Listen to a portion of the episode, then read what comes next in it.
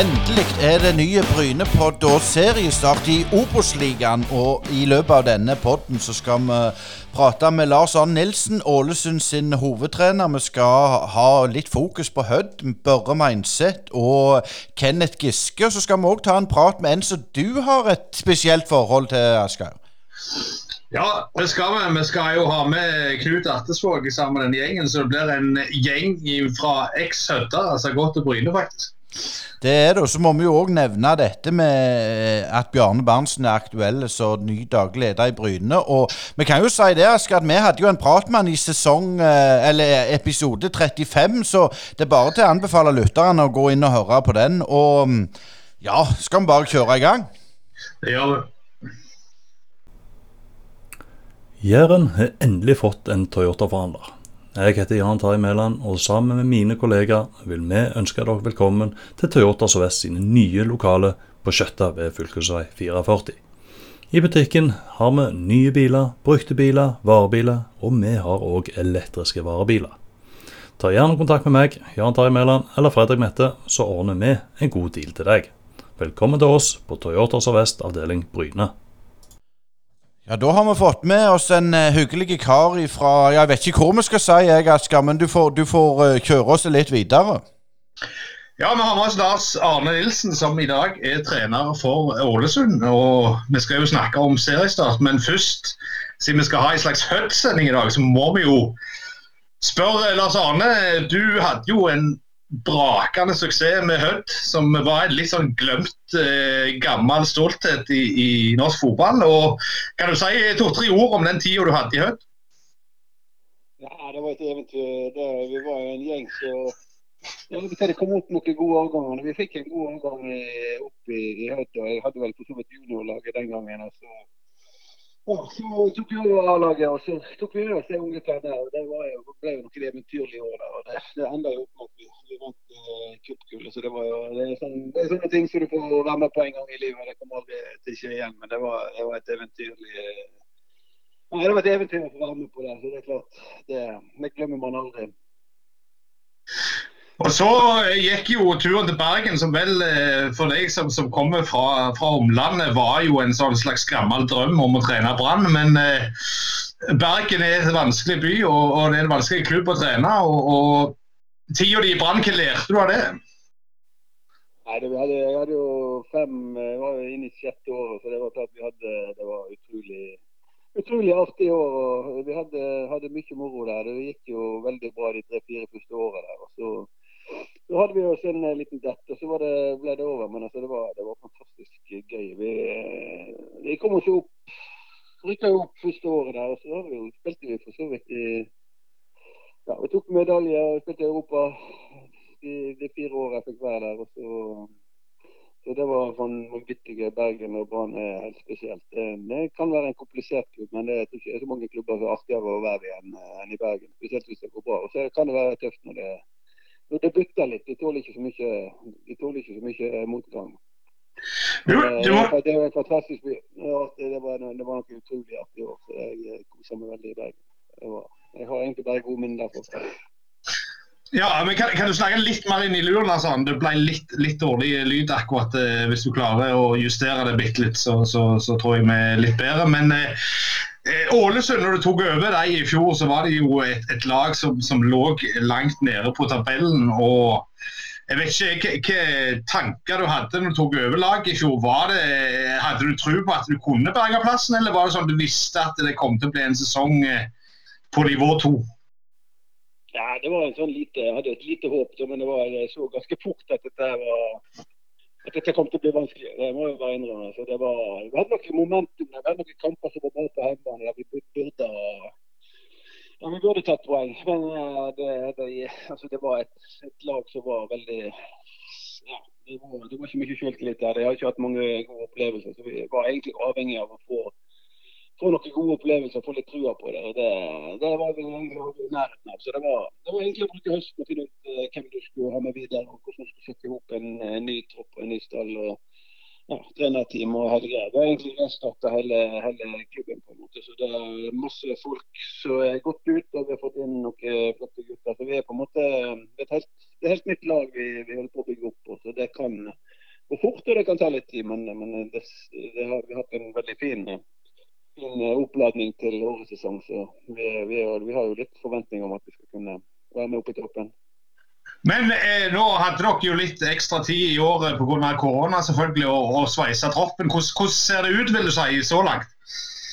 Ja, altså det Ting ser veldig bra ut uh, for oss. Det, det er jo det, Vi sliter jo litt med at uh, han som vi på en måte brukte, brukte penger på, det, han forsvarssjefen vår som kommer fra Sverige, han Fellmann som var i Hammarby. og og spilt mange kamper i Allsvenskan. Det var liksom forsvarssjefen vår. Han, han sitter fremdeles i Sverige. Da. Vi har ikke fått han inn i landet. Så Det er liksom streken i regningen. Men, eh, men eh, vi, har, eh, vi, har, jo spist hele vinteren uten han. Og vi, vi, vi har jo tro på at vi skal kunne bytte noe ifra oss skulle vi ikke ha kommet ennå.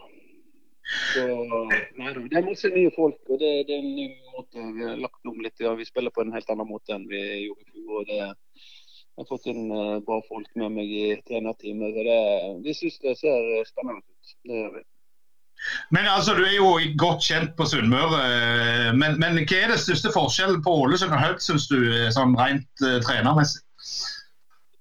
Nei, for Det er klart det er en, helt, det er en mye større klubb og det er mye flere folk. Det er jo en, det er en klubb med bedre forutsetninger enn det vi har hatt i Hødd sant? både økonomisk og, det, er en, det, er en, større omland. Det er mer, det er mer folk å ta Det var en uh, liten klubb der veldig få gjorde veldig mye. Det var klart, det var, men det er jo, det er jo kulturen uh, i Hødd som var helt spesiell. Det var, så er det jo, var det mye bra folk. Det var ikke så mange, men vi, de var veldig bra, det vi hadde. da.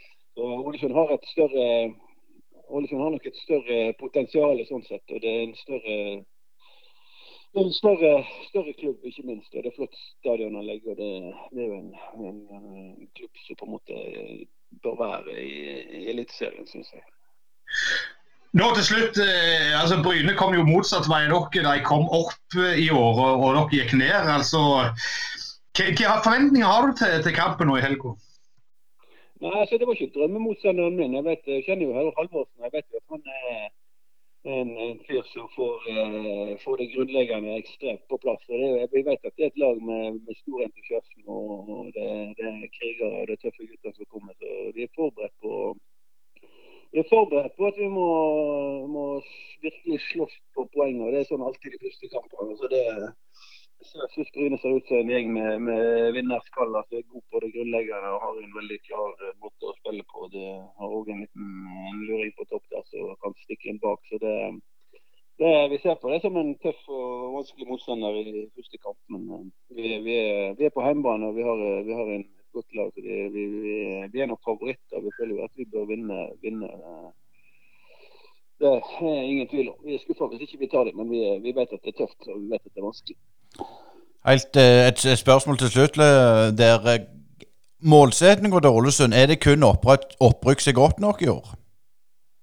Vi har ikke snakka så mye om det, men altså, vi, vi, vi, vil opp så fort som mulig. Så det er litt sånn Situasjonen i Ålesund nå er at vi har, vi har fem-seks veldig spennende unggutter. Altså, vi vi har veldig troa på dem. Vi, vi, er bare nødt til å,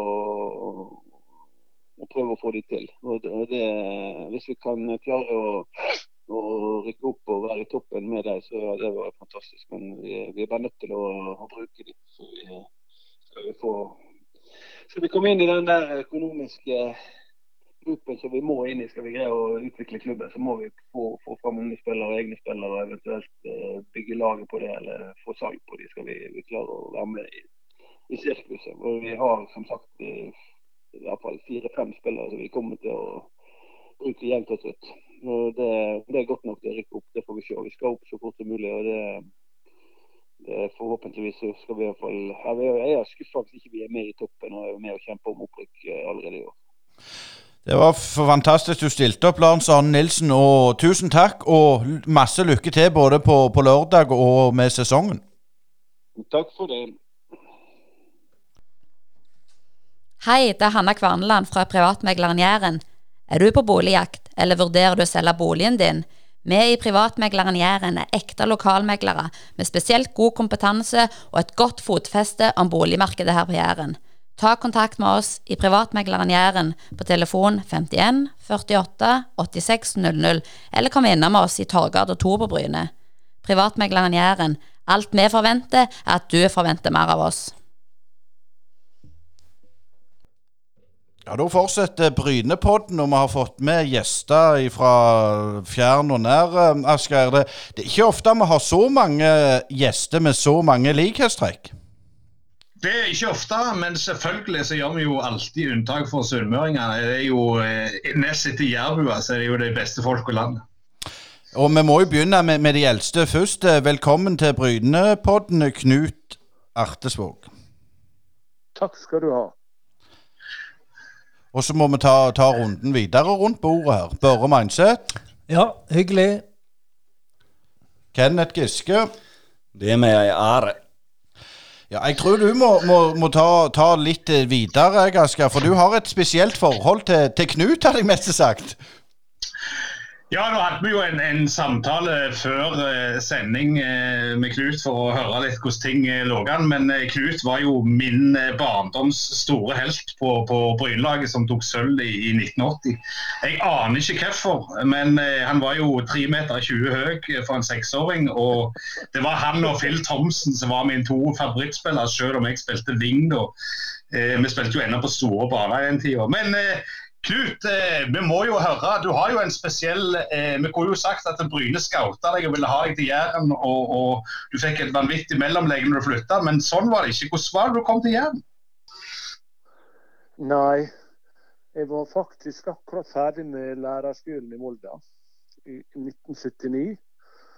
Og følte på det at hvis jeg ville gå litt videre og ville oppleve litt mer, så, så måtte jeg reise en plass.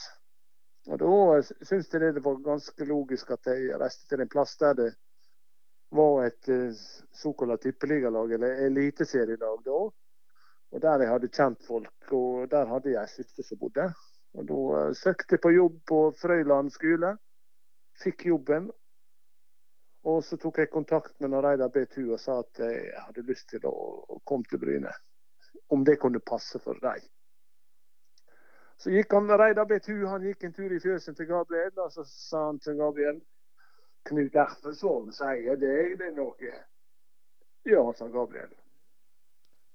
Og det, sånn, var, sånn ble det. Og Da reiste jeg til, eh, til eh, Stavanger. Det var da Bryne tapte 1-0 for, eh, for Viking i den kampen. Og det var også den kampen da Brian Green kom til, til Jæren for første gang. Så der satt vi på, på eh, Viking stadion, eller Stavanger stadion som det da hette, og så Bryne tape 1-0 mot Viking. Eh, Den kampen var faktisk jeg òg på, og tårene trilla etter kampen. Og vi traff med min farfar Brian Green eh, på Hjalmar 2 eh, ja, et halvår etterpå. og Farfar fortalte om denne gutten som hadde grått. Og Brian Green sa da til meg Don't worry, kid, we'll beat them next time. Og dere gjorde jo det. altså Dere slo jo Viking i 80-sesongen. Men, men du hadde jo en karriere i Hødd før det, og Hødd var jo et storlag på 70-tallet. altså Hvordan var ståa i Hødd før du flytta på deg sørover? Nei, vi var et eh, middels førstedivisjonslag. Altså den divisjonen som lå under Bryne. Vi hadde et par veldig gode sesonger, bl.a. i 76. Da var vi eh, nesten på vei oppover. Da, da, eh, da var vi såpass gode. Jeg tror vi ble nummer tre eller nummer fire i, i vår avdeling og hadde et veldig bra lag. Men så dovna det igjen i 77 og 78, og da var det jeg begynte å kjenne på lyst at jeg ville flytte på meg.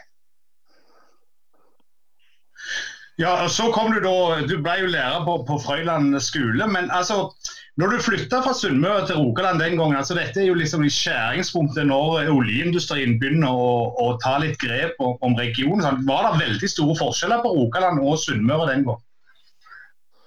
Ja, jeg oppdaga det når jeg kom ned til, eh, til eh, Jæren, så var dette her en plass som var en veldig utvikling.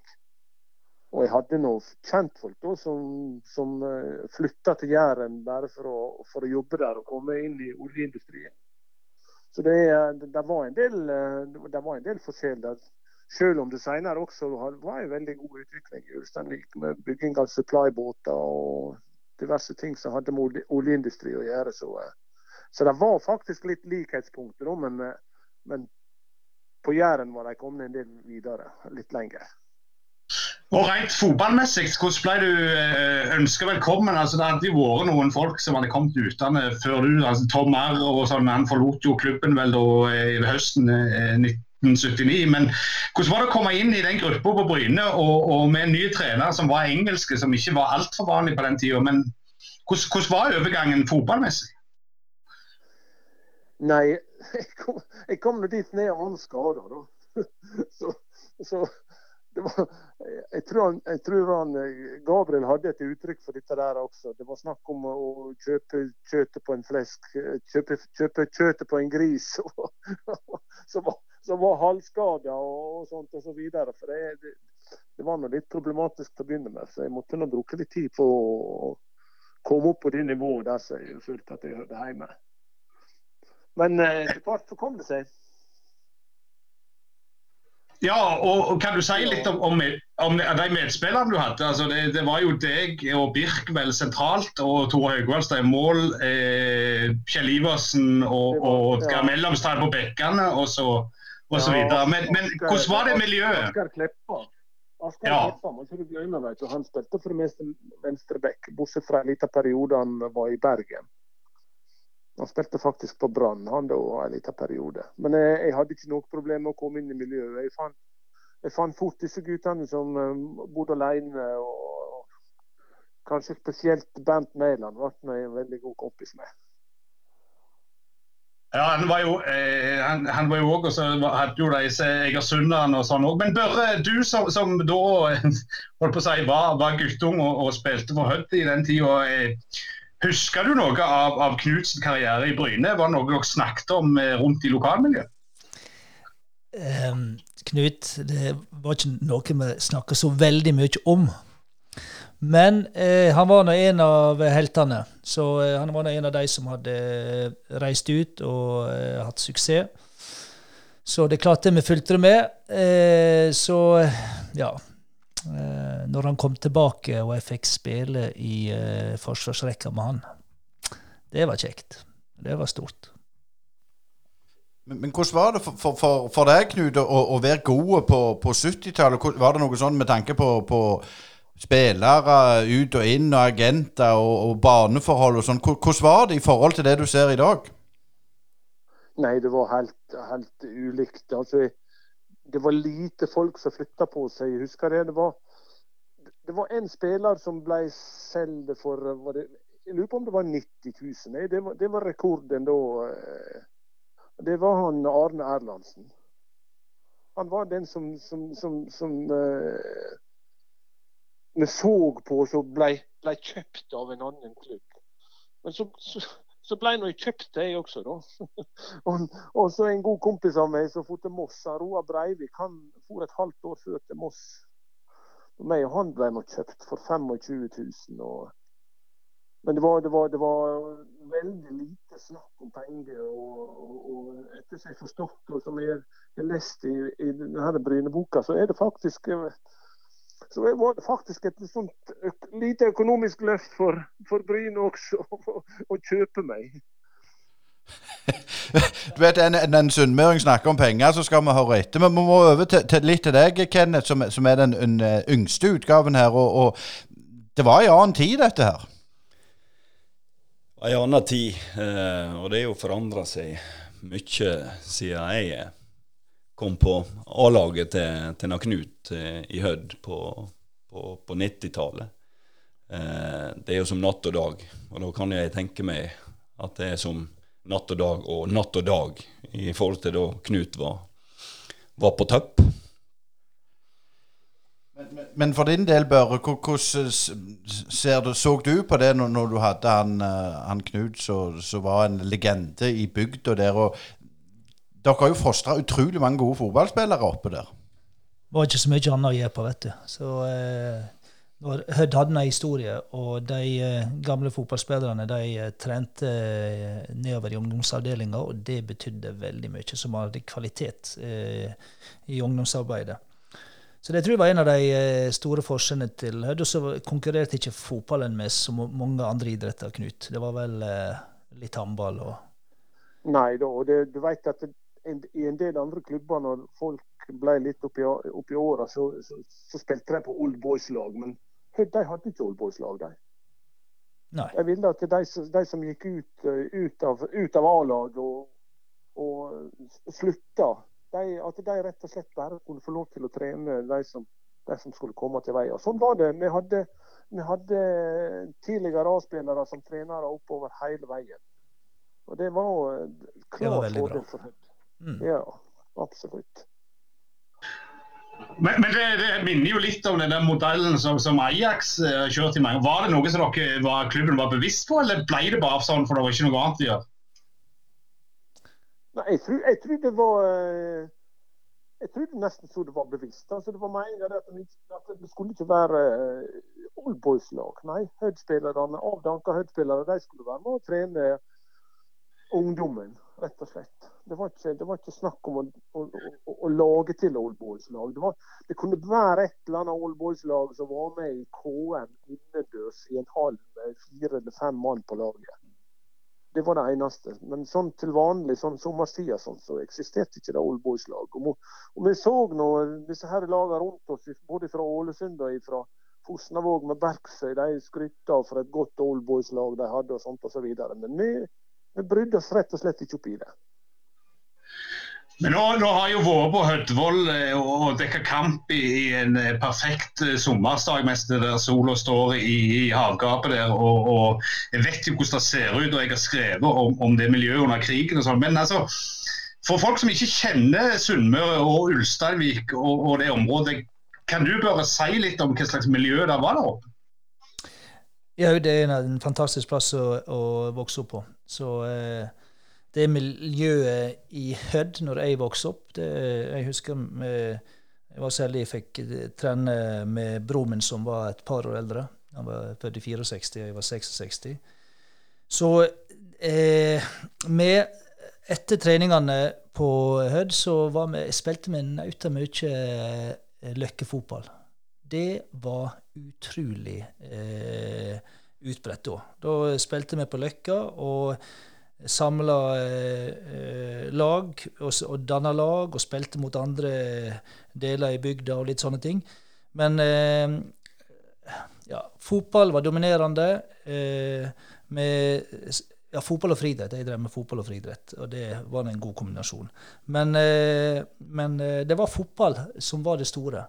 Og jeg hadde et utrolig godt miljø, syns det i hvert fall. Eh, og når vi hadde disse her eh, gamle Hødd-stjernene som trente, trente, oss opp gjennom, eh, så eh, tror jeg det kan, vi kan si det at det var oppskrifta på suksess. Kenneth, eh, var det likt for deg òg, eller, eller, hadde det endra seg når du eh, holdt på? Ja, Nå eh, vokste jeg opp på, på Valdrøya, eh, så er jeg jo nærmere Ålesund. Eh, Flytta til Ulsteinvik eh, når jeg begynte på gymnaset. Flytta på hybel eh, som 16-åring. Så det var egentlig først da jeg ble kjent med, med, med Hødd. Eh, så eh, når det gjelder hva si, aldersbestemt sånn sett, så, så, kjenner jeg bare min moderklubb, da, Valder. og eh, men eh, Og der eh, hadde ikke oss de stjernespillerne som så, trente oss opp gjennom. Eh, men det var fotball fra, fra morgen til kveld. når jeg kom til, til Ulsteinvik, når du nevner miljø, så, så kom jeg kjemperaskt inn i, inn i gjengen, da. utrolig utrolig flotte plass eh, med, med flotte folk i Hødd-miljøet eh, som veit å ta vare på hverandre. Eh, sånn var det egentlig i Bryne med når jeg kom hit i, eh, i 99. Jeg kom eh, raskt inn i gjengen og, og inn, i, inn, i, klubben. Så jeg er egentlig mange likhetstrekk eh, sånn sett, miljømessig, med, med Hødd og, og Bryne. Ja, det har jeg lyst til å spørre dere alle tre litt om. altså Hvis vi begynner med Knut Børre og så tar Kenneth til slutt. Men altså, jeg har blitt kjent med en del sunnmøringer opp gjennom, og, og det er noe i kulturen som minner veldig mye om den kulturen jeg vokste opp med på Jæren. Altså, du har både fotball, du har bedehus, du har si, i gamle dager det gamle Venstre som går langt tilbake i tid. Altså, litt sånn selvstendige, motstridige, gjør litt, vil ikke bli pirka på nesen. Sånn er det. Tror dere det hjalp liksom, når dere kom til Bryne, at den kulturen var relativt lik? Jeg, jeg fant et miljø som ikke var uh, ulikt det som var i Hødd i det hele tatt. Og det var et miljø som var bygd, bygd opp i, uh, med Kjetil Hasen og Halbjørn Hasen og Faras Børre også, Tor Meinseth og sånne karer som, som jeg så veldig opp til. Og hvis det var da på 66, 65 og utover, da de, de var i toppdivisjonen, da var det fantastisk. Vi var ballgutter i hver eneste, hver eneste, kamp. Og hvis Hødd vant, så i stor glede så var det ned på en, plass som vi kaller Lånamarka og, og trente. For, oi, var kjempefornøyde. Og så for vi ned på Lånamarka og trente når de tapte, for da var vi rasende for det de hadde tapt. Og da hadde vi tenkt å bli minst like gode som de. Og så trente vi like godt etterpå også når, vi, jeg spilte uavgjort. For det var sånn eh, hipp som opp. Det holdt dette miljøet, det, det fikk vi være fikk vi vokse opp i. og Vi så veldig opp imot disse eh, stjernene som Hødd-laget besto av da midten 60-tallet og ut, ut, til begynnelsen på 70-tallet. Det, det, var liksom, det var liksom det vi levde for. Ja. ja eh, jeg kan si litt av de likhetstrekkene mellom, eh, mellom Hødd og Bryne. Så kom jeg ned, ned i Jeg flytta til eh, Jeg var i militæret, så jeg havna inne på Hundvåg. Eh, eh, på foster der. Og så, så husker jeg når jeg kom til Bryne og begynte å trene med dem, så kom jeg også veldig fort inn i miljøet.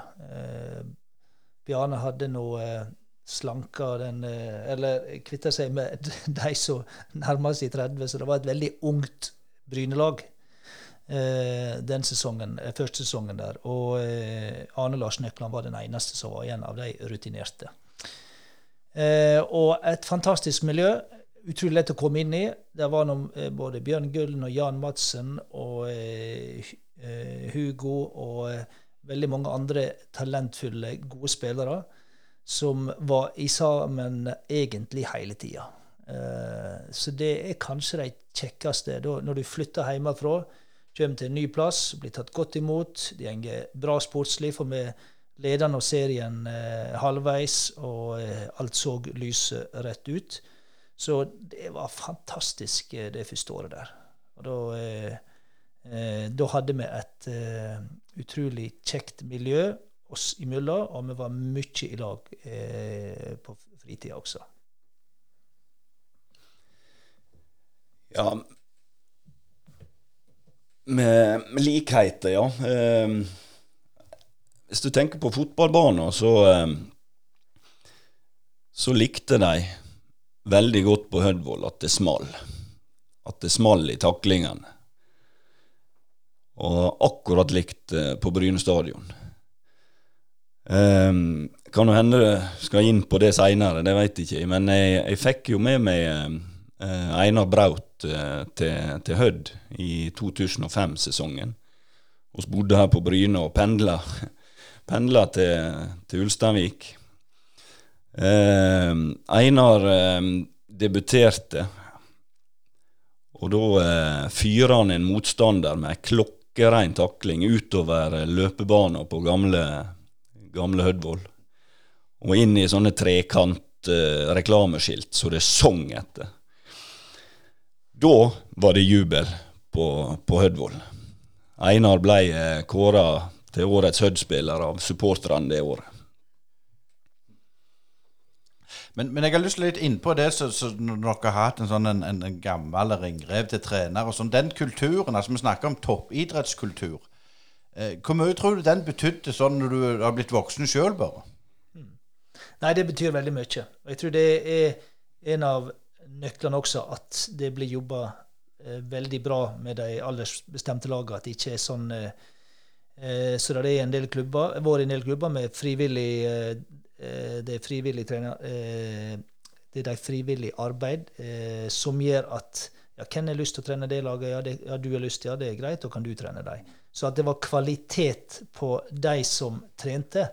Jeg veit at det er, er ulikt på Island, at de må være, ha trenerutdannelse, og det er ikke det, det, er ikke hvem som helst som kan bli trenere. Så det at vi hadde det eh, der oppe, det tror jeg eh, var, eh, hadde betydning for at eh, det var såpass mange gode fotballspillere. Det var kvalitet i, i, det leddet som er så viktig. Men hvis vi går over til, til, til du som bor der fortsatt. Eh, du er jo vært lærer i mange år. Men hvor, hvor mange innbyggere er det rundt der, som vi liksom kan danne oss et bilde av hvor, stort det er? Nå ligger, nå ligger Ulsteinvik på ei øy som heter Hareilandet, og på den øya bor det vel 14 000-15 000 eh, sånn cirka. Og det, det, er to kommuner. Ulstein, Ulstein er den ene og den største kommunen, og der bor vel 8000, 8000 mennesker. Så før var det sånn at de fleste som, eh, som uh, spilte på Hødd, de kom, de kom for det meste fra Ulsteinvik og i omlandet rundt om der. Kanskje en eller annen fra Hareid og en eller annen fra Bergsøy i, i, i Fosnavåg og sånt. Men de, de fleste var, eh, det var Hødd-spillere. Og fødte og, og godt. Og ble, og ble voksne der. Hvis jeg ser noen på, på Hødsdalen for, for 2021, så er det søren meg ikke mange mange navn du kjenner igjen. Så der, det, det har vært en utvikling der, i hvert fall. Ja, for det jeg tenkte på, altså, den gamle, litt gamle tida, det det var Børre, du har uh, Det er så mange, vi, vi trenger ikke nevne det, Altså, du har Jan Åge Fjørtoft videre. Men, men sånn som så for deg, Kenneth. Det var noen du så opp til, men, men det er jo ganske utrolig at det, det var mulig den gang å få så mange gode fotballspillere. Ja, altså jeg, eh, jeg veit dette der er jo en sånn kjempediskusjon. Det er 100 100 000 meninger om. Eh, men eh, det er jo dedikasjon, da. At du, du, vokser opp. Og, og, det jo det å se opp til hva si, A-laget sitt. Jeg så jo opp til, til Valder. Spilte i tredjedivisjon. Eh, og spilleren der. Eh, fikk med meg hver eneste kamp. Og jeg hadde lyst til å å spille på, på A-laget til Valder. Det var min, eh, mitt mål, eller min drøm. Jeg, eh, jeg, hadde ikke et mål om å bli proff i, i Barcelona eller i Liverpool. Det måtte jo eh, Det kom litt seinere, det. det. Det, måtte komme hvis det, hvis det ville. Eh, og, så, og, så, ble det Hødd igjen, så det gikk litt sånn, litt sånn steg for steg, da. Det var ikke noe, noe hast. Det var, bare, det var bare kjekt med, med, med fotball. Men, men, Knut, litt tilbake til deg. altså Du hadde jo en eventyrlig suksess. altså Det er jo det beste tida Bryne har hatt i, i, serien. altså De sesongene du fikk med to sølvmedaljer og kanskje et mellomår der i 83. Men, men uh, Unnskyld, i 81. Men uh, kan du si litt om, om det der, den sesongen 1980 spesielt, når dere var veldig nære å vinne gull? Ja, kan nesten ikke komme nær. For sånn som jeg husker det, så var det vel ti minutter igjen av kampen i, i Kristiansand. Skåra vel Steinar Aase seiersmålet for Start, som gjorde at de kom opp på samme poeng som oss. Men de hadde, de hadde fire mål bedre målforskjell enn Bryne. Jeg, jeg, husker, jeg, husker, jeg husker når Birk Engstrøm i det kampen var slutt, han gret omtrent fordi, fordi at Start hadde tatt, tatt seieren i, i Kristiansand. Så det var vi var, vi var der hele tida. Arne Larsen Nøkla han reiste til, eh, han reiste til Tyskland. Og Så det, det spørsmålet var nå selvfølgelig når sesongen var slutt. Hvordan hadde det gått hvis han Arne hadde vært igjen på Bryne siste halvåret? Men eh, det får nå bare spekulere i. Men det var, det var et, Vi hadde det veldig kjekt. Etter som jeg har forstått på de andre Nå kjenner ikke jeg så godt Kjell Skau Andreassen, også fra det, det halvåret jeg spilte med han. Da, men, men, det var mange som sa at det var godt for Bryne at det kom en trener som hadde humør, og som, det, som, virkelig hadde det gøy med spillerne sine på trening. Og Det, det virka inn på en del av spillerne som absolutt var gode nok. Altså, En spiller som Rune Ottesen han gikk fra å være nesten bare innbytter i 79 til å bli Norges beste midtbanespiller i 1980. Og det, det, vil jeg nesten påstå at det var pga. at det kom et trenerskifte som gjorde at han, Rune han, han fant seg mye bedre til rette. Han, han ville ha ballen hele tida. Han kunne gjøre noe med ballen som ingen andre kunne gjøre. og sånt og Så, videre. så det, det, var, det var et virkelig samhold i, i klubben på den tida. Jeg intervjua Brian Green i, i 2008 i, i, i, Rochdale. og Da sa han jo det at eh, Skauen organiserte de, men jeg setter spillerne fri. Eh, kan du si litt om arbeidsmetoden til Brian Green? For det, han var jo et, et relativt ubeskrevet blad i, i Norge den gang.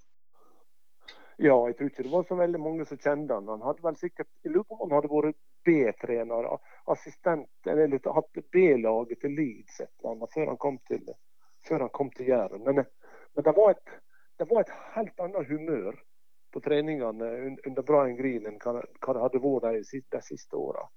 Som gjorde at spillerne rett og slett gledde seg mye mer til å komme til, komme til Bryne stadion og, og, og, og gå på trening. Og vi hadde en del treningsmetoder som, som, løste opp, som ikke var så, så strengt og så regulert på, på alle slags måter. Alle, alle, de trivdes veldig godt under Brian Green. Og Det, det tror jeg det var det viktigste. For han var en, han var en veldig jovial mann som alle ble venner med. og eh, vi så på han at det, det var ikke alltid det var, Hvis noen skulle settes ut av laget, eller han syntes at andre skulle få en sjanse, så, så sleit han litt med å, med å fortelle det til vedkommende at nå, nå vil han prøve noen andre. Så Det var, det var der jeg, jeg syns altså, klart at Kjell Skau Andreassen var en, en, kapasitet som hadde mye peiling både på det organisatoriske og, og, og sånt og så videre. Men, men humøret det kom med, med Brian Green. og der, der, som sagt, der vil jeg bruke Rune Ottesen som et eksempel på at det, det var vellykka. Eh, Brian Green har jo selvfølgelig skrevet seg inn i Brynestål, men, men, en som er litt sånn vanskelig å få tak i for oss yngre, er jo Ken Carlsson, som avløste Brian Green. Altså, Hvordan var han? han, var, han, var så, han var så beskjeden, han igjen. Han var, eh, han var en, en, en, veldig kjekk kar. Jeg er, ikke, jeg er ikke, helt sikker på Nå hadde jeg han bare ett år, da. Men likevel så var kanskje 83-sesongen min, sin best, min sin beste sesong på Bryne, alt i alt. Og, eh, jeg, han fikk noe trua på meg, han, han, Kent Karlsson, da, og, og forsto at, eh, at, at, jeg kanskje forsvarte en plass på laget. Da. Men eh, jeg hadde sansen, veldig sansen for Brian Han eh, Nei, jeg tror ikke jeg kan si noe særlig mer om Kent Karlsson. Nei, men det, det, det, er nok å si det. Vi må over litt til, til, til, nyere tid. For det er klart det, vi kan ikke holde på med historietimen hele veien, selv om det er lærere her, Børre. Men du, du, må jo fortelle om, om den semifinalen i, i, i, Trondheim. Du har jo skrevet deg inn i Bryne-historien for evig og alltid. Ja, eh, på Lerkendal eh, eh, var det Det var helt magisk. Og eh, dette var nå i 1987, og eh, trønderne hadde ikke spilt cupfinale på eh, en del år. Så det var stappfullt på Lerkendal. Og vi skulle spille semifinale der oppe. Og det var, det var sikkert 19 000-20 000 trøndere, og så var det 100 Bryn-supportere. Og de leda 2-0 etter første omgang. Og eh, Arne var ikke i Da hadde Arne vært skada en periode eh, og eh, spilte første omgang. Og så tok Bjarne ut eh, Arne Lars Nøkland i pausen etter første omgang, og så satte han inn på Roar Pedersen fra Madla. Eh, eh, hva det var som snudde det, det er ofte tilfeldigheter, så eh, det er det ikke så eh, marginene på sin side. Eh, Jan Madsen hadde nå en konge andre omgang og skåra to mål. Jeg skåra ett. Og vi vant 3-2. Og jeg husker jeg laga egentlig eh, frispark, eh, men eh, han Solli spilte midtstopper. og eh, Så fikk jeg en stikker, og så tok jeg tak i hånda hans, slik at jeg drog meg litt fram. Og han sto nå stille. Og eh, jeg stakk fram og fikk pasninga alene med Ola By Riise som runda i han. og så Det var 2-2-skåringa. Og så eh, reduserte vi til 2-2. Og da begynte Bryne-supporterne å våkne. Da, og jeg husker når, når Jan Madsen skåra 3-2, og, og, de blåste av kampen, det var helt magisk. Og vi kan jo tenke at kanskje cupfinalen var kjekkere, men sånn isolert sett så var kampen på Lerkendal. Og det som skjedde etterpå, når vi kom tilbake til eh, Sola flyplass og eh, jeg, jeg, tok eh, og stemte i elleve spillere i rett og hvitt utover eh, der, og de var tjukkfullt med, med Bryne-supportere kledd i, i hvitt og rett. Og de svarte. Det var, det var sjef, altså. Det var helt utrolig. Så eh, den kampen, den eh, bronner seg inn for og alltid. Den var kanskje en av de, kanskje den kjekkeste kampen jeg spilte. Eh, klart det ble gull med en, en sunnmøring eh, på lag. Og, og, og, i Kenneth, din første sesong så ble det jo opprykk? Ja, da ble det, ble det opprykk. Eh, litt eh, traurige start, syns jeg husker. Eh, men eh, gir en fantastisk haust. Eh, blir ofte snakka om haustsprekken til Bryne. Det, det, var ikke det da. Og så har jo du siste kampen mot Lyn der, eh, der ingenting er klart. Eh, oss trenger at Start taper, og oss må, oss må vinne. Og der dukker Thomas Dahl opp og, og, og putter han i mål. Olivene fra Geir Atle, tror jeg. Nei, det var magisk, og det jeg fikk noen frysninger når Børre snakka om eh, semien der. Eh, det var kanskje noe lignende.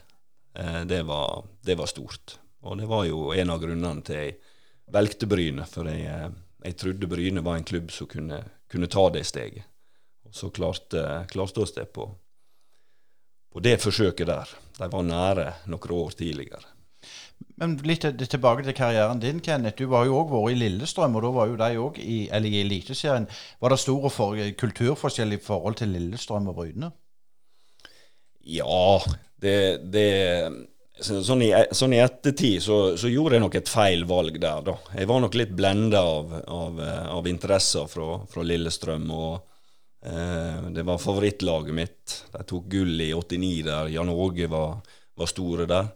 Eh, så, så, det var litt sånn eh, Valget var kanskje tatt litt for mye med, med, med hjertet. Eh, og jeg var nok ikke helt klar over hva, hva jeg gikk til. Litt mer Altså en, en storklubb med, med, stolte tradisjoner i helt, helt, i toppen av norsk fotball. Så altså kulturen eller miljøet var kanskje litt mer ja, litt kaldere enn en, en i Hødd og, og Bryne. da. Eh, så gikk jo jeg mye skader der, eh, og, eh, og, og, fant vel ikke helt ut av det, sånn rent sportslig. da. Heldigvis så, eh, så ville Hødd børste støv av meg og ta meg tilbake. Da begynte fotball å bli, bli kjekt igjen. Men eh, Børre, vi må jo spørre deg litt om, om den famøse 1988-sesongen. Altså, Jeg husker jo eh, såpass at eh, avisene skrev at Bryne skulle erobre Europa, og og ikke måte på hvor, eh, hvor, langt eh, dette skulle gå. Altså, Hva skjedde egentlig i den sesongen, så vidt du husker? Ja, Det er sett med mine øyne. Eh, det skjedde Det er det mange faktorer som gjør at du rykker ned. Men Arne slutta. Eh, da var vi en gjeng unggutter som var igjen. Og eh, vi trente hardere enn noen gang. Og jeg som drevet med friidrett, skulle tro at jeg likte å springe. Men vi hadde to i oppkjøringa så hadde vi to reine i en periode hadde vi to rene løpsøkter i Njåskogen der vi ikke hadde med oss fotballsko. Jeg tror de fleste av oss kunne deltatt i eh, terreng-NM. Eh, men eh, det ble for mye. Eh, vi kunne springe, men det er ikke det samme som å springe ute på en fotballbane. Så vi skulle bli enda bedre, og da trente vi enda hardere og sprang enda mer, men vi sprang mye uten ball, i hvert fall i oppkjøringa. Og ja, så Siden vi var et ungt lag også, så eh, begynner vi å, å Når du taper en kamp, så hadde det godt å hatt noen eldre å hvile seg på, men det hadde ikke vi da. Og Bjørn Gulden var, var noe skada. Eh, så vi mistet noen sentrale, viktige spillere, samtidig som vi var nok et for ungt lag. Sett i ettertid så eh, hadde det vært godt med noen rutinerte ringrever som visste hva dette gikk ut på. Men når vi begynte å tape og miste trua på oss sjøl, så eh, til slutt så var det den eh, kampen mot Start på Stavanger stadion. Det er gale å rykke ned for en eh, jærbu. I hvert fall å reise inn til eh, Stavanger stadion og spille den avgjørende kampen og, og, og, og tape den, eh, og så rykke ned, det var, det var ikke kjekt for, den, eh, for meg som spilte på Bryne. Det var da var bunnivået nådd. Så det var mange faktorer. Og ja, jeg har en del minner om eh, kornprodukter som var veldig populært på den tida. Vi skulle spise sunt. Og, og, vi spiste og fikk utdelt gratis kornprodukt. Jeg må vel innrømme at uh, etter hvert så kom ikke kornprodukter ut ifra bilen. Jeg bare sto i, i bagasjerommet, og når jeg var på besøk med folk som, uh, som ikke spilte fotball, så, så, tok jeg alltid med meg litt kornprodukt inn. De var glad for det, men det ble veldig mye. Det ble kanskje litt for mye av enkelte ting. Eh, over til deg litt, Knut. Du, du etter tida di i Bryne, så, så, var det, var det hjem igjen. Hvordan var, var, det å komme hjem til Hødd? Var det et, et annet Hødd enn, enn det du forlot? Nei, det var det faktisk ikke. Eh, jeg kom hjem Jeg flytta vel hjem igjen på høsten i 83, etter at sesongen på Bryne var, var ferdig. og jeg hadde allerede gjort en avtale med, med Hødd om at jeg skulle være med i et slags treningsopplegg med med Reidar Vikebakk og, og, Kjetil Hasen og jeg var vel som skulle ta ansvar for klubben. Jeg skulle spille hele tida. Men jeg, jeg, var så uheldig at jeg skada et leddbånd på vårsesongen i 84. Og dermed så røk hele, hele sesongen. Så jeg, så jeg, jeg fikk i grunnen ikke Jeg har sagt jeg fikk i grunnen ikke vise hva jeg var god for den, den, den sesongen pga. skade. Men så kom 85-sesongen med Arnfinn Ingjerd, som var en lovende, lovende trener på, på de tider. Så kom, så kom han Børre og så kom han Jan Åge inn i bildet mer og mer. og i, i 85 hadde Hødd en, en, kjempesesong. Det var uh, faktisk kamp om opprykk. Nå ble det, nå ble det ikke det da. Det ble Tromsø som spilte uh, kamp mot nummer to i den andre avdelinga, Moss. Og de, eh, de rykte faktisk opp da i lag med Strømmen, og jeg husker faktisk ikke hvem det var de spilte med. Hvem det var som vant den andre avdelinga. Var, det var snakk om bare eh, et poeng eller to bak eh, Tromsø i kamp om kvalifisering. Mm. Så da var, det, da var det en veldig interessant sesong. Da, men da, du vet når når du blir så god i så ung alder som Jan og Børre ble, da vet du, så er det ikke så lett å, så er det så lett å holde på dem. Og vi forsto ganske fort etter hvert at de kom til å eh, kom til å, å, å reise fra Ulsteinvik. Og jeg slutta etter 85-sesongen og reiste til Volda og ble spillende trener der i tre år. og Hadde det veldig kjekt der inne. og Børre for, og Jan Åge for både hit og dit. Men hvor mye hadde du bare avbryt deg litt, hvor, hvor, mye hadde du å si for, for Børre og Jan Åge sin videre ferd? Var du, var du involvert på noe vis? Jeg, jeg skal ikke overdrive det, men flirer litt på det han Børre. da, han Børre han har sagt til, både, både til, til bånda sine og til kjerringa si at det, det hadde, hadde, ikke det vært for meg, så er det ikke sikkert at han hadde vært der nede. Og Det kan man sikkert bare bekrefte. Nei, nei, nei. Det var, det var pga. deg. Det var du som anbefalte Jeg spurte nå deg, Knut. Eh, ja, og du anbefalte Bryne, og det ville være en ja. klubb som passer meg bra. Det var en jordnær klubb. Det var en liten klubb eh, på en liten plass. Og jeg var ingen byas, jeg var en bygd, bygdes. Du var en Og- skikkelig byg- bygdegutt. Ja, ja, ja. Og jeg eh, Ja. Vi likte ikke by, altså. Så Åleby Nei da, du vet det. Det, var, det, var, det, var, det, kom, det kom spørsmål. Jeg sa at jeg, jeg skulle operere som en slags liten agent for Bryne for å se om de fant noe talent der oppe. Og så kom det selvfølgelig spørsmålet da fra Bryne om disse to karene der. om han om han Jan Åge og, og han Børre osv. Jeg anbefalte det sterkt når Børre, for det, han passer litt bedre ut på landet enn kan Jan Åge gjorde. Selv om Jan Åge var fra Gusken. Han var nå enda lenger ute i havgapet. Men eh, han forsvant til HamKam. Ja. altså. Du var vel ikke inne i bildet med HamKam og Jan Åge, nei. Nei. Nei da, det var, det var bare med Bryne og deg. Jeg sa til ungene mine at dere hadde ikke vært til, dere hadde ikke vært for Knut. Og da begynte de å lure. Men, men, men du nevnte det, Bør. Du, du er ikke byas, men, men klart, du, du gikk, gikk til Viking, og du vant jo både serien og, og cupen der. Og Ikke cupen. Gjorde du ikke det? Var du ikke med i Nei. Jeg har kun et cupmesterskap og et seriemesterskap. Jeg, jeg tapte ei cupfinale, men det var i, i Nederland.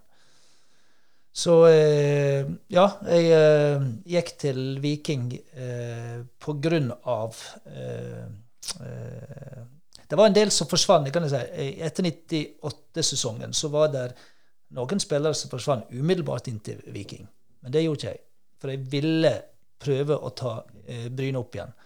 Så de to åra med Bjarne og, eh, og Trond eh, Sirevåg, det var eh, to fantastiske år.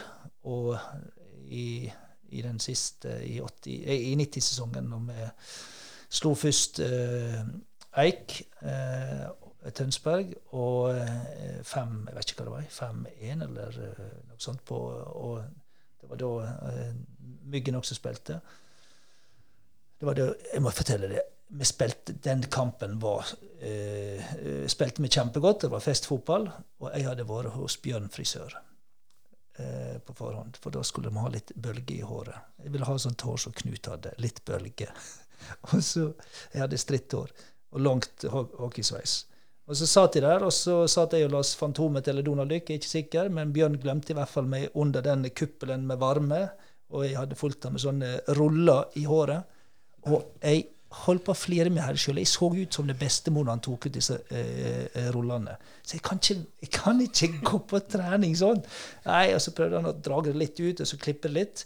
Men hva skjer når du trener og du blir litt fuktig? Da kryper nå håret. Så, så, jeg husker når jeg kom fra trening dagen, eh, Dette var et par dager før, som hadde ei siste trening før. Og, og folk holdt på å flire seg i hjel når jeg kom på trening.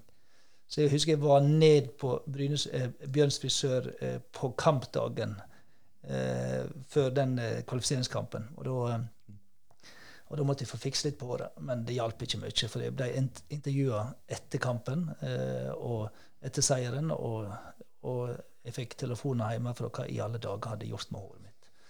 Men da tapte vi eh, så tapte vi dessverre mot eh, Lillestrøm da også. Så Lillestrøm var eh, tårn i sida, altså. For de, ja, det, de hadde et vanvittig langskudd. Hva kan hete var det han eh, De gikk opp i 1-0 etter et kanonskudd ifra eh, Det var på Åråsen, på eh, Osvold.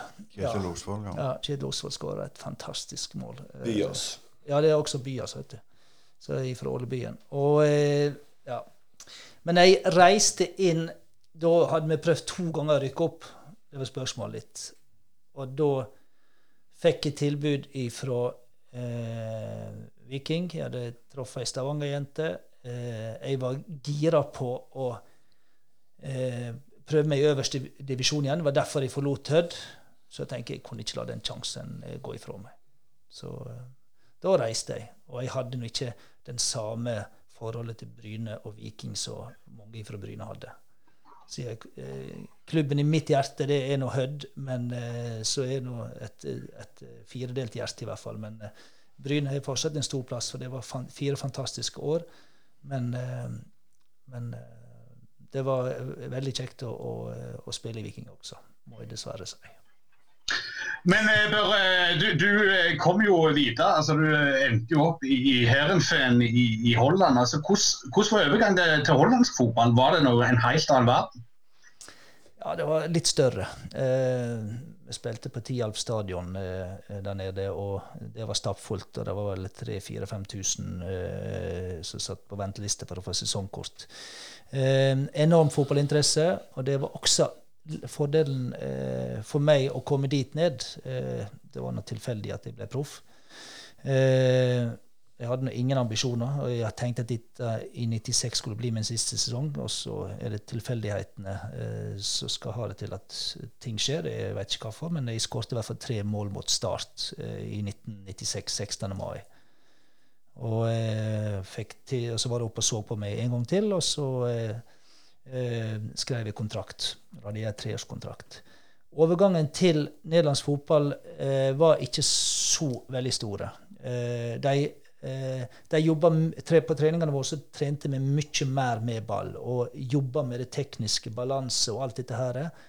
De hadde egne fysiske trenere. De hadde et trenerteam som var større enn det jeg var vant med. Eh, men eh, litt høyere nivå på toppfotballen der nede.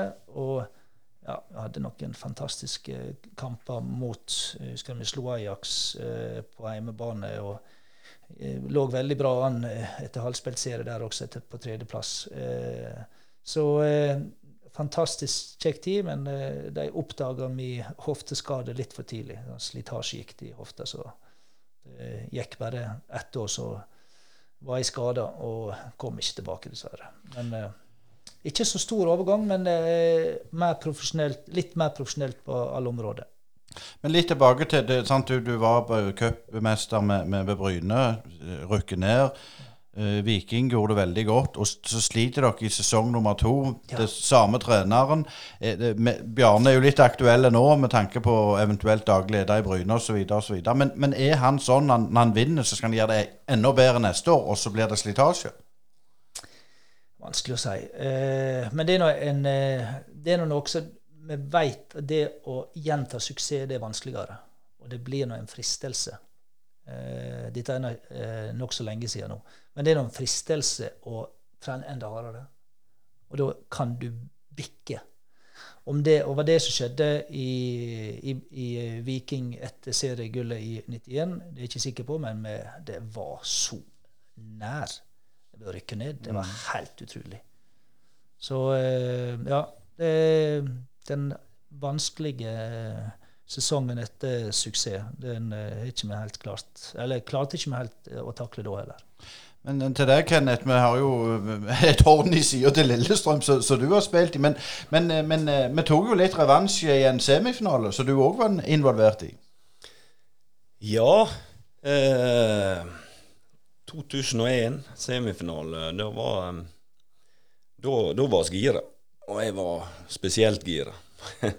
Hadde lyst til å, å, å, vise litt igjen der. Eh, og, eh, og, der, eh, der eh, så du den jærske drivkrafta. Det var Kjempa de i senk, rett og slett. Og etter oss gjorde det, så spilte oss de ut.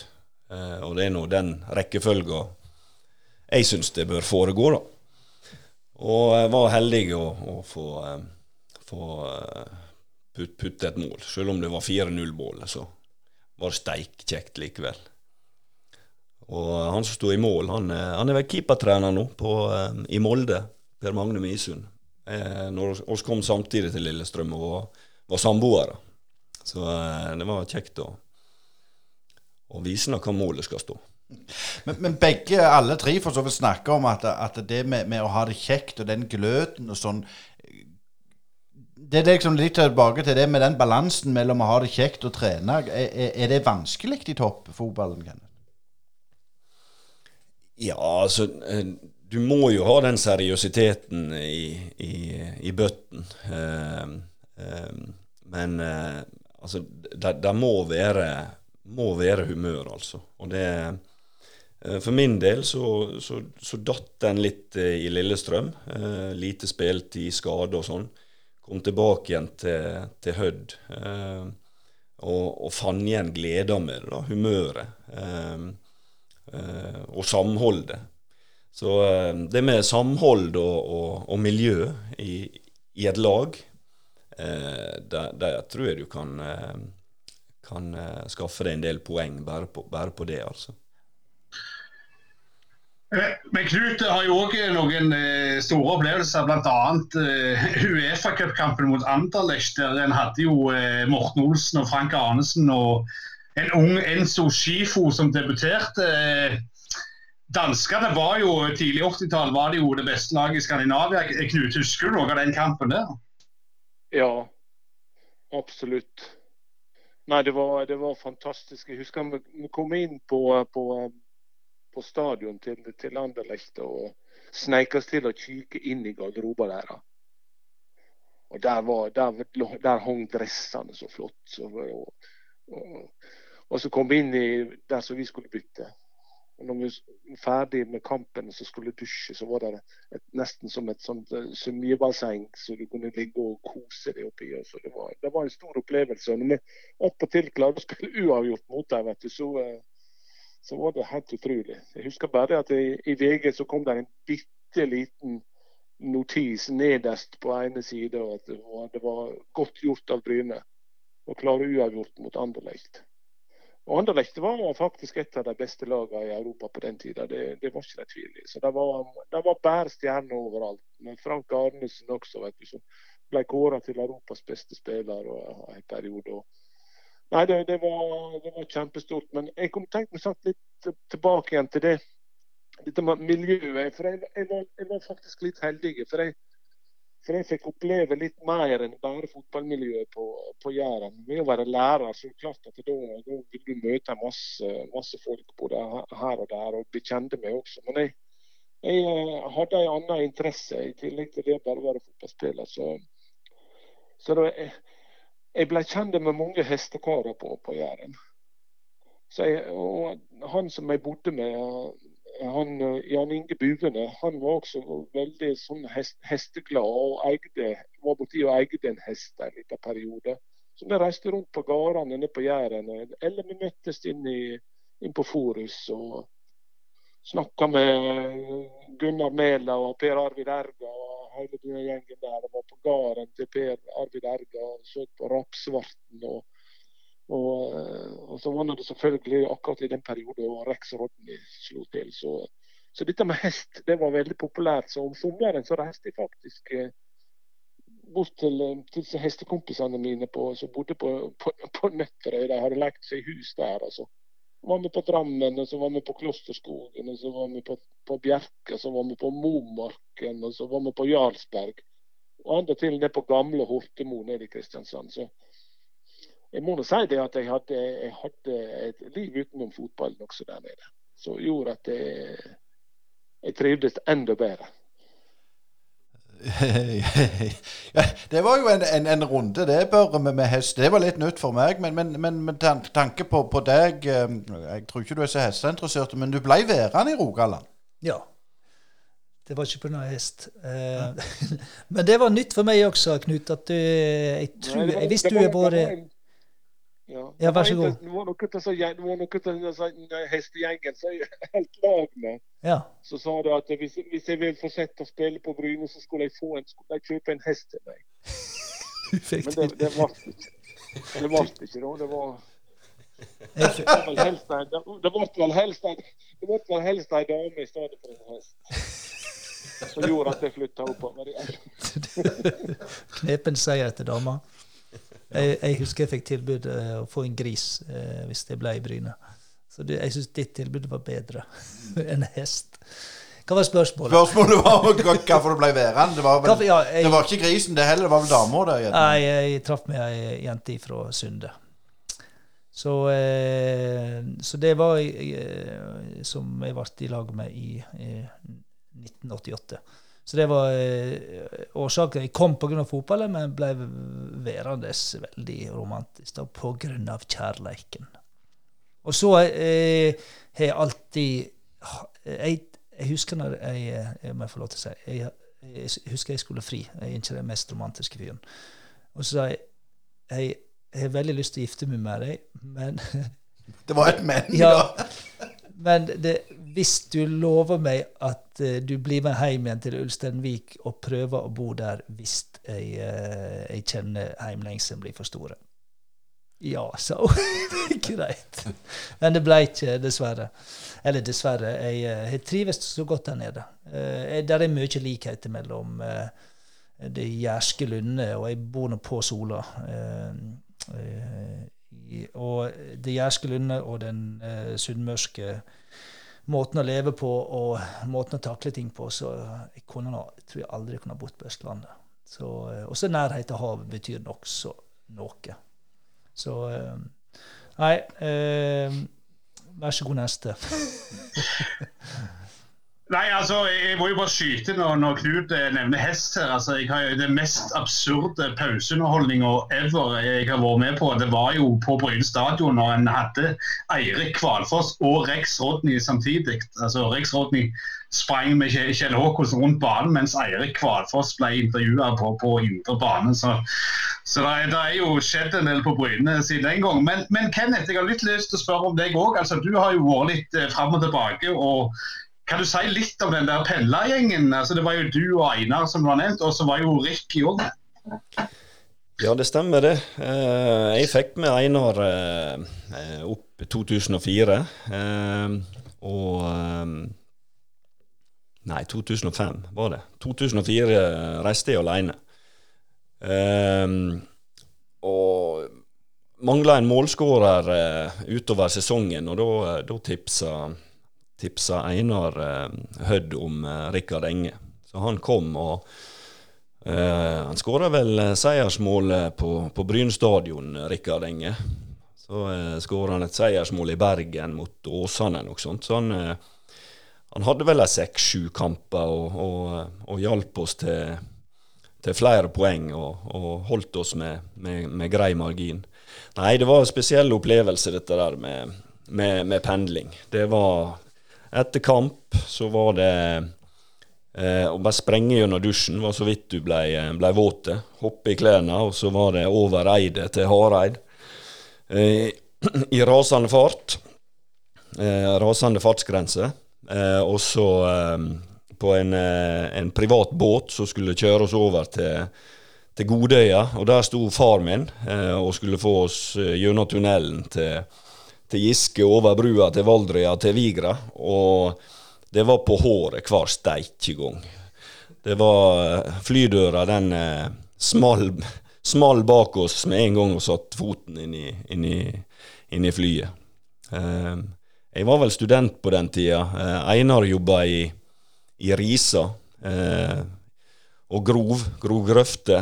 Så han, eh, han måtte på jobb eh, klokka seks eh, på mandagen. Så det var ikke noe, noe bønn. Jeg må innom det, Kenneth. Du har jo òg en cupfinale. Det må vi fortelle litt før, før vi går litt over til, til dagens situasjon. Det var jo mot, mot Viking der, og du kom inn. Men du ble jo vraka. Hvordan eh, Så lenge etterpå sitter det litt igjen nå? Nei, egentlig ikke. Så jeg, jeg, jeg, jeg husker ikke så mye av den uh, vrakinga, da. Så eh, hvordan det skjedde, eller eh, det, det kan ikke jeg huske. Men, eh, men jeg var i god form da den, den høsten, og det var ikke Så jeg, jeg var nok litt skuffa der og da, men det er ikke noe som sitter igjen. Så jeg kom inn siste halvtimen, da, og da var jeg oss best. Men, men du har jo vært i klubben etterpå, Kenneth, som, eh, som trener i, i ungdomsavdelinga. Hvor, hvor godt følger du med nå? Nei, altså, det er litt sånn Litt av og, av og på. Jeg syns det er lettere å følge med når du er, når du er, er der og er i bobla. Um, så um, var jeg med i juniorlaget i, i fjor, og, og høsten før det. Fjoråret ble jo veldig spesielt, men det covid-greia, så det, det, det kom liksom, liksom aldri i gang. Så eh, men så fikk jeg eh, tilbud om, eh, om, om eh, ny jobb, da. Og, eh, og litt bedre betalt enn å være i, i, i Bryne. Så jeg, jeg hoppa på det. Og, så er det mange som klarer å kombinere fulltidsjobb og, og, og gjenge all in som, som trener eller lagleder. Og, men det er Så mye krutt har ikke jeg, da. Eh, all ære til de som gjenger på stadion dag, dag inn og dag ut. Asgeir, er du der? Ja, altså, Jeg har jo lyst til å, på en måte runde litt av. altså Bryne-Ålesund eh, nå til helga. Og selvfølgelig alle, alle som kjenner litt til Sunnmøre, vet jo at eh, Ålesund er det som Stavanger er for oss. Eh, kan dere si litt om det der Ålesund, eh, The Rise of Ålesund? altså De tok jo vekk på en måte det som Hødd var når dere vokste opp. Eh, hva er det som har skjedd litt der i Sunnmørsfotballen, spesielt til deg, Knut? Altså, hvorfor har det blitt sånn? Hvorfor har det blitt sånn som det er nå? Ja, At Ålesund har kommet opp og tatt over totalt. Eh, det er jo de vi hører om utenom. Selvfølgelig hadde litt eh, eventyr med Lars Arne og, og cupfinale og sånn, men, men, men, sånn generelt, altså Hvorfor er det blitt sånn som det har blitt? Altså, det er jo et lag som de færreste hadde hørt om eh, i gamle dager. Ja, nei, jeg, på den tida jeg spilte på Hødd, så var faktisk Hødd et mye bedre lag enn Ålesund. Og det, det var nå en periode framover også, vet du. Men så kom, der, så kom det mer kapital inn i bildet, vet du. Det kom dette her med Color Line stadion og alt sånt. Og uh, Ålesund hadde, hadde, mer penger enn Hødd hadde, og hadde råd til å, å kjøpe inn en del spillere som, som, var helt klart med på å forsterke laget deres.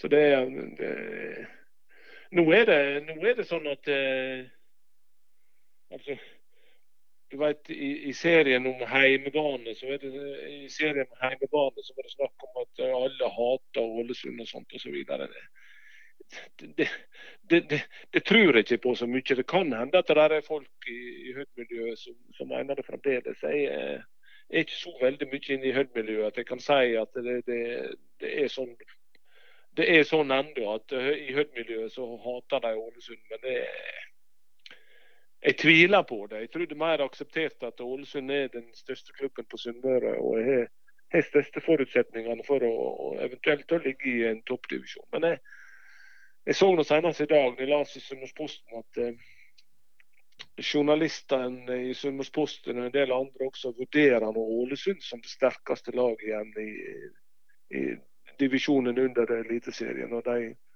de, går nesten ut ifra alle sammen at Ålesund skal rykke opp igjen. Men jeg, jeg, tror det skal bli veldig tøft. Så det, det For Ålesund sin del så er nå det er det, er litt, det, er litt, vanskelig å, å stole på alt som står i Sunnmørsposten og som står i avisene. Da, vet du. Men er, jeg er sikker på at det er mange lag som kan komme til å gi deg ganske sterke konkurranse i, i kampen om opprykk. Mm. For det var det, det de presterte nå i, i forrige sesong, vet du, det var eh, på grensa til miserabelt. Når du får så lite poeng så skal ikke, du, kan ikke det være sånn at du plutselig skal være så god igjen omtrent med samme spillerne at du skal rykke opp igjen i, i toppdivisjonen. De må nok finne på noe annet. Likevel... Jeg vet ikke hva dere sier, dere. Mm. Hva dere sier bare om eh, jeg, ikke, jeg, jeg, jeg, kjenner ikke miljøet i Ålesund. og eh, Jeg ser det i Ålesund at det, det, det er nesten ikke sunnmøringer som spiller på laget lenger. og Jeg ser det på Hødd også, så er det nesten ikke nesten ikke sunnmøringer som spiller på det laget heller. Nei, jeg, jeg jeg også reagerte nå på det, eh, men eh, du må nå ha det litt svart-hvitt på sånn dramaserie ja. som Heimebane var. Og, og, jeg heller kjenner ikke meg igjen. Jeg hater ikke Ålesund. Det var kanskje mer eh, tidligere, eh, disse lokaloppgjørene.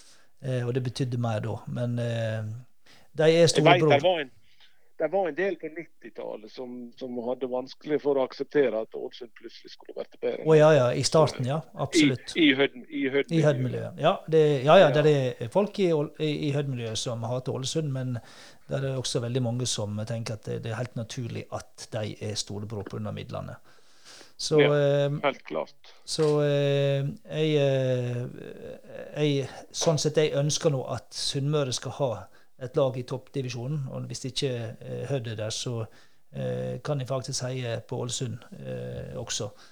Men eh, når det gjelder eh, styrkeforholdet mellom Bryne og Ålesund, så eh, Bryne er nå ikke en eh, favoritt til å ligge i toppen.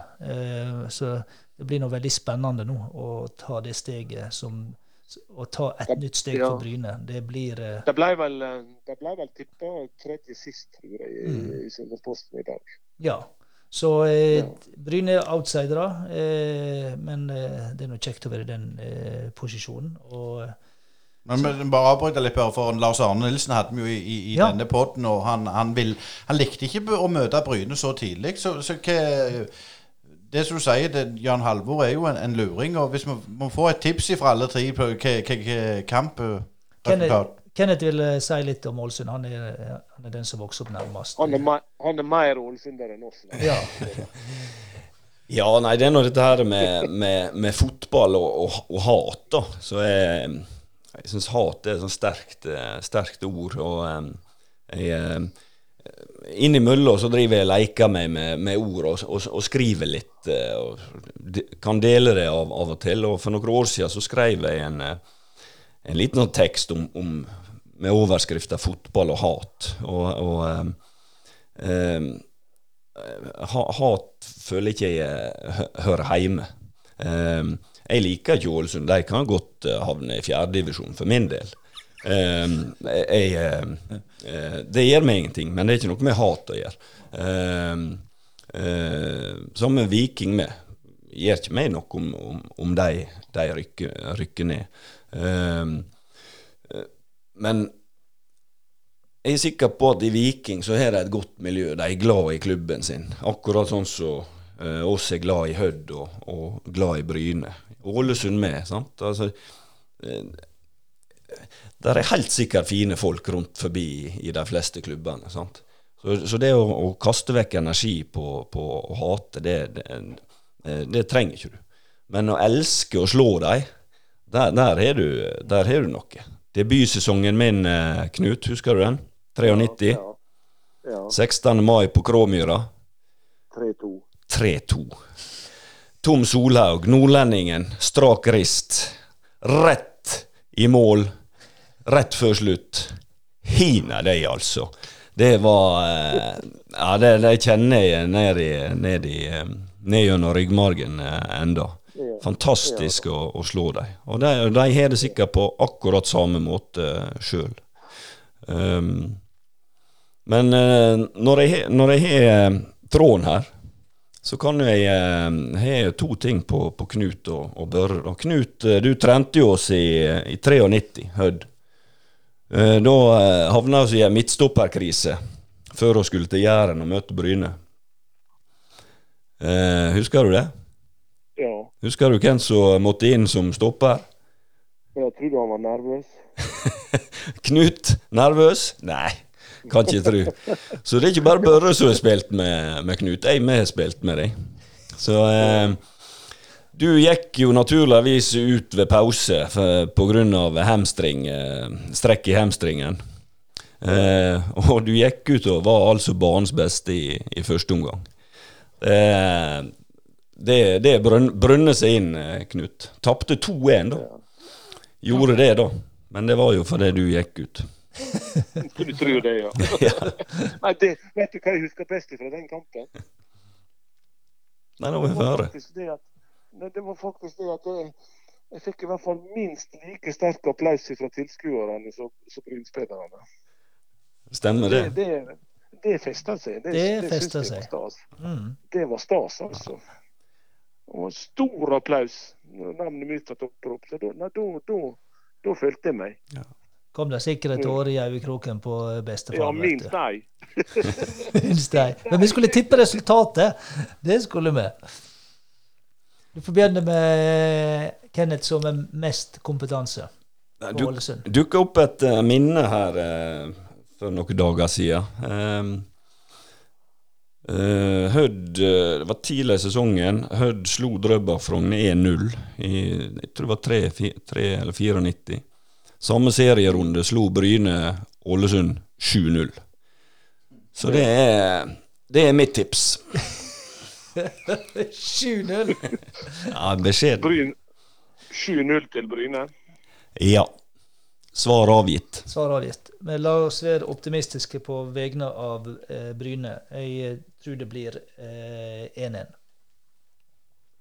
Knut, Ja, det var ikke så, ja, det var ikke så utenkelig, det. Ja. En- Jeg kjenner så lite til Bryne nå at det er fryktelig vanskelig for meg å tippe dem. Men eh, jeg, fikk spørsmål en gang på Bryn stadion jeg var på besøk der nede, om, om eh, hva som var min sin klubb. og Da sa jeg, jeg sa at det Hødd er min sin klubb, men eh, etter Hødd så holder jeg med Bryne, sa jeg. mm. Og da, eh, da, da, da, da får jeg gjøre gjør det sånn nå også, da. For jeg, jeg holder med mer Bryne enn jeg holder med Ålesund. ja, Det jeg gal? Herlighet. Ja. Takk. Nei, jeg Kanskje det kommer litt av bombe. Jeg får tippe 2-1 til Bryne, jeg, da. 2-1 til Bryne. Bra. Jeg hadde jo en på, på Børre med. Eh, Heerenveen. Debutkampen din, tror jeg det var. Ja. Var ikke det en Intertoto? Intertoto-kamp Ja, mot mot Lillestrøm. Stemmer det. Stemmer det, ja. Var du der? Var ja, jeg spilte hele kampen og aldri sprunget så mye mølla i hele mitt liv. Husker du resultatet, da? Nei. Nei. Lillestrøm vant 1-0. Lillestrøm vant 1-0. Ja. Arne, Sandstø hedda inn. Eh, jeg tror det var noen viker etterpå, så, eh, så røk oss ut eh, andre runde i kuppen mot Falk. 1-0. Arne Sandstø sjølmål på nesten lik heading som mot Heerenveen.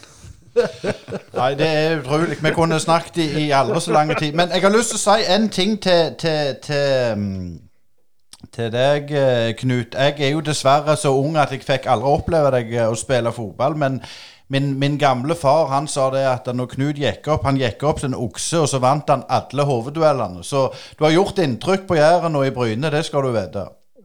Ja, ja, det er kjekt å høre. Det er kjekt å høre. Jeg, jeg har nå litt kontakt der nede fremdeles. Da. Jeg har hatt litt kontakt med, med Gabriel. og Han har, han har ringt til meg de gangene da Bryne har spilt mot Hødd i forbindelse med et eller annet i Gærradioen. Søndags formiddag klokka halv elleve. Da er han på tråden, av Gabriel, når han har jobba i radioen litt. Så jeg, jeg har nå litt kontakt. Og så er det selvfølgelig litt på, litt på, på nettet og sånt. Så jeg, så jeg, nå har nå noen Facebook-venner der nede. og litt sånn forskjellig.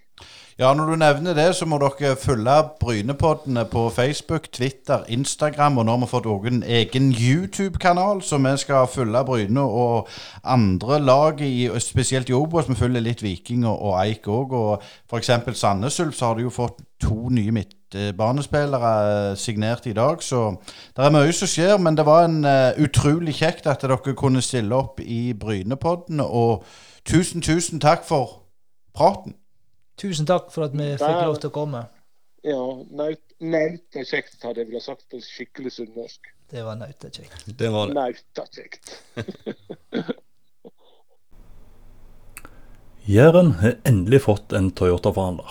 Jeg heter Jan Terje Mæland, og sammen med mine kollegaer vil vi ønske dere velkommen til Toyota Sør-Vest sine nye lokaler på Skjøtta ved fv. 44.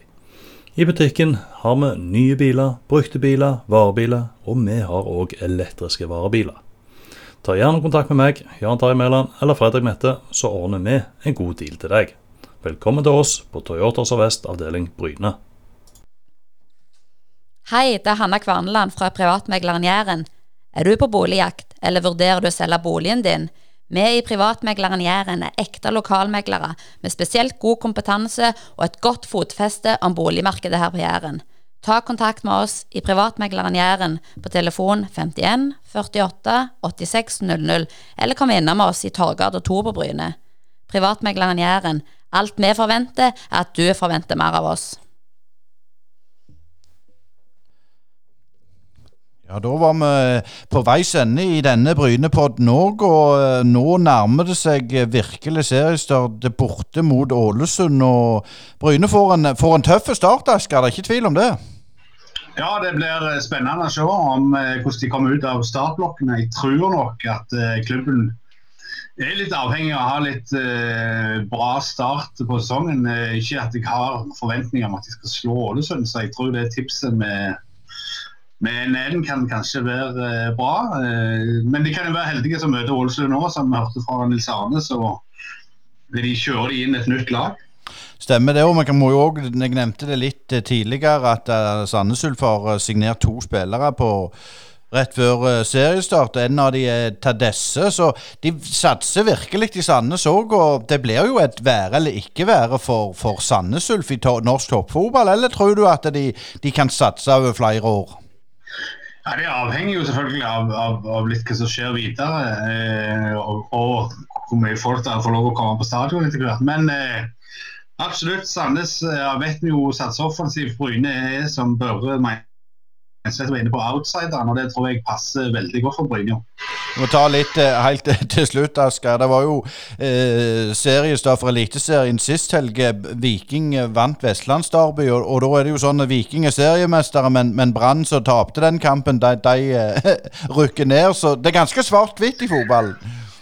Ja, ja, helt klart. Men altså, å begynne å gjøre noe som helst eh, opprekning etter en runde, det jo, går jo ikke an. og det kan jo skje mye i alle divisjoner fram til alt er over en gang rett før jul. Så her må vi være litt tålmodige òg, men jeg, jeg, gleder meg til at eh, sesongen er endelig i gang nå.